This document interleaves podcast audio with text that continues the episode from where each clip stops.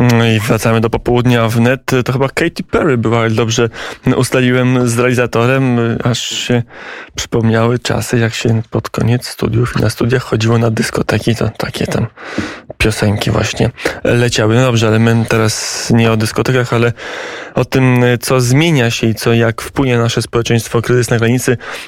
Przy naszym telefonie gościem Piotr Gursztyn, dziennikarz TVP, no ale też Instytut Staszica. Dzień dobry, panie redaktorze. Dzień dobry. E, właśnie na łamach Instytutu Staszica pisał Pan o tym, na ile sytuacja na granicy powinna wpłynąć na przemodelowanie postaw społecznych, na ile powinniśmy jako społeczeństwo zmieniać nasze niemalże, czy nieomalże codzienne nawyki, bo, bo wchodzimy w inny okres w, w geopolityczny. Wchodzimy w moment, kiedy bezpieczeństwo i pokój nie są pewne. No tak, bezwzględnie tak jest, a wydaje mi się, że że w jakiś sposób jest to zauważane przez e, społeczeństwo, przynajmniej przez tych ludzi, którzy jakoś tam w debacie publicznej e, uczestniczą, interesują się sprawami publicznymi, ale z drugiej strony w, w realu nie zmienia to naszego życia, no bo nadal tak żyjemy, jakoś to będzie, w sumie wszystko będzie dobrze. Jak planujemy nasze życie, to raczej planujemy je bardzo optymistycznie pod względem jakichś tam planów materialnych, życiowych, turystycznych i tak dalej, i tak. No i fajnie, no bo oczywiście no każdy z nas, ja też chcę żyć e, e, miło i wygodnie, e, ale no, ja mam obawy, że ten świat idzie ku gorszemu, że no, sytuacja Polski nie będzie i innych krajów tutaj no, w, w, naszym regionie nie będzie taka spokojna, jak była przez ostatnie 30 lat, kiedy nasze bolączki to były takie bolączki no, często dotkliwe, ale jednak czysto materialne i nie dotykające takiego bezpieczeństwa biologicznego. A, a tutaj e, zaczyna się epoka zupełnie nowa. Nie wiemy, co się wydarzy w styczniu lub w lutym, jeśli chodzi o e, e, relacje rosyjsko-ukraińskie, ja to mówię eufemistycznie, czyli, czyli po prostu, czy nie będzie inwazji zbrojnej Rosji na Ukrainę. A jeśli ona będzie, no to po prostu nasz świat całkowicie się z, zmieni. No I wtedy będzie inna sytuacja. Na ile jest tak, że my powinniśmy już toczyć debatę e, na temat szerszej, tak podstawowa kwestia jak szersza ochrona cywilna, że obrona cywilna, że, że nagle powinniśmy zacząć żyć trochę jak, trochę bardziej jak społeczeństwo Izraela na przykład czy jak żyły społeczeństwa, ja wiem, że PRL to był zły czas, no bo Polska nie była krajem wolnym, e, byliśmy protektoratem, e, nie mieliśmy wpływu na władzę i ta władza była często e, nie, nie dość, że brutalna, to, często, to jeszcze często głupia.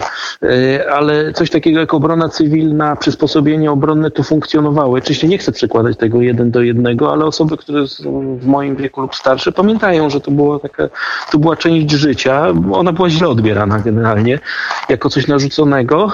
Y, ale też nie brała się z niczego. To, było, to było jakieś kontinuum tego, co się działo w różnych państwach, także demokratycznych i swobodnych y, y, od czasów, gdzieś od XIX wieku, kiedy ta masowa, masowe przysposobienie do służby wojskowej i do obrony we prawie wszystkich krajach europejskich zostało wprowadzone. W międzywojennej Polsce przecież no, istniało przysposobienie wojskowe. Więc, y, więc to, nie było, to, to, to nie było coś y, takiego zupełnie mm, dziwnego i zaskakującego. Y, po roku 89 e, e, świat zachodu uwierzył w to, że wojna to jest e, zajęcie dla wąskiej grupy specjalistów zawodowych, którym się płaci, a reszta społeczeństwa po prostu siada w fotelu, je chipsy i sobie tylko w telewizji, teraz to w internecie ogląda coś, co się dzieje bardzo, bardzo daleko. No, niestety chyba ten słodki sen się kończy. Ja podałem przykład Izraela, ale jest przykład Ukrainy, społeczeństwa, które też trochę żyło taką wizją, że wojna to jest zjawisko nierealne, może trochę mniej niż Polska, ale też bardzo znacząco. Jak się poczyta plany obrony, to w ogóle Ukraina nawet nie brała pod uwagę sytuacji, że może dojść do agresji ze wschodu na tak od strony bratniego rosyjskiego narodu, rosyjskiego państwa. Nie, nie znajdował się w orbicie świadomości nie tylko decydentów, ale także społeczeństwa ukraińskiego, a nagle trzeba było walczyć i, i pewne postawy się wytworzyły. Pełna zgoda. Ukraina jest specyficznym tutaj przykładem, bo z jednej strony są tam e, pozytywne przykłady, których można czerpać e, dla nas naukę, czyli jak, jak ta zdemoralizowana i zdezorganizowana armia e, uczyła się później, ale generalnie, generalnie ten wzór jest o tyle zły, że to było państwo, które się tworzyło, tworzyło się źle, do tego dochodziło masa, ma, masa bolączek, patologii i tak dalej, ale oczywiście tam ileś wzorców stamtąd też trzeba brać. To nie jest tak, żebyśmy w jakąś pychę popadli, że jesteśmy dużo lepsi od tych Ukraińców, ale mamy też takie przykłady jak na przykład Finlandia, która nigdy nie zrezygnowała e, z masowego poboru, tam 80% mężczyzn, a myślę, że też sporo kobiet, no bo te, te zmiany zachodzą tutaj, odbywa zasadniczą służbę wojskową. Ciekawym przykładem jest Szwecja, która też e, poszła w kierunku pacyfizmu, teraz przy, przy, przywróciła pobór. On jest na zasadzie losowania, nie, nie wszyscy idą tam, ale na przykład e, różne elementy obrony cywilnej e, cały czas funkcjonowały, typu wydawanie co jakiś czas ulotek, broszurek dla obywateli. Co taki obywatel ma zrobić, jak wybuchnie wojna, czyli co, ma gdzieś wyjechać, ma się gdzieś schować, jakie zakupy ma zrobić i tak dalej. No, my jesteśmy kompletnie bezradni. No, żaden, znaczy, no, 99% ludzi dorosłych w Polsce nie wie, jako patrunek założyć. To w ogóle by się w życiu, ja, ja też tego nie umiem, tak nawiasem mówiąc, to w ogóle w życiu by się przydało. No pamiętam, jak kurs prawa jazdy był, ten, był taki y, element jak y, pierwsza pomoc i to było traktowane bardzo po macoszemu. Ja się z tego nic nie nauczyłem. Miałem kiedyś to też w szkole podstawowej, jako PO i liceum.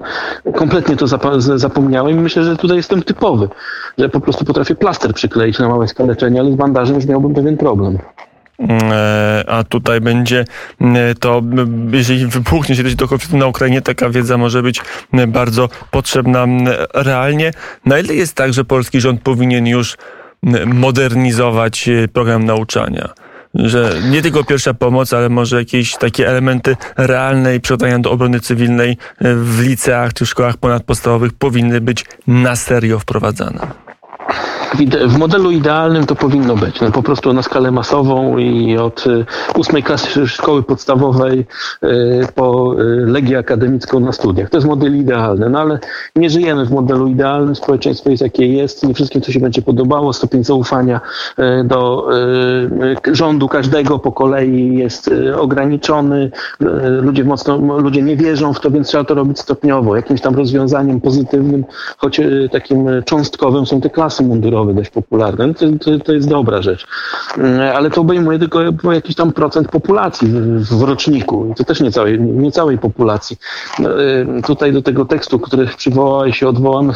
No, dla mnie to było uderzające, jak policzyłem sobie, jaki procent y, naszej populacji to są żołnierze, to jest wojsko. To jest 120 tysięcy ludzi, to jest 3, 3 promile.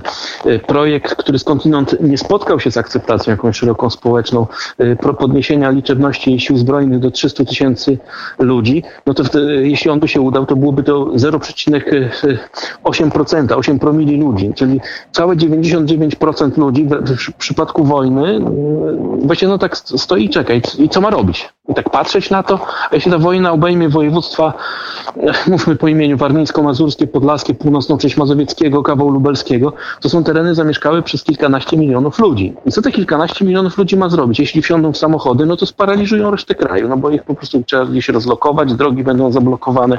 Skąd uważam, że no tak też czytałem, że wróg spowodowałby taką wędrówkę ludów po to, żeby sparaliżować w sensie logistycznym i organizacyjnym całą, całą resztę kraju i nie tylko obronę, ale też pod względem humanitarnym, no bo to nagle się zaczynają problemy z żywnością, z, ze służbą zdrowia, ci ludzie chorują, ci ludzie są ranni, nie wiadomo gdzie, gdzie, gdzie, gdzie ich umieścić.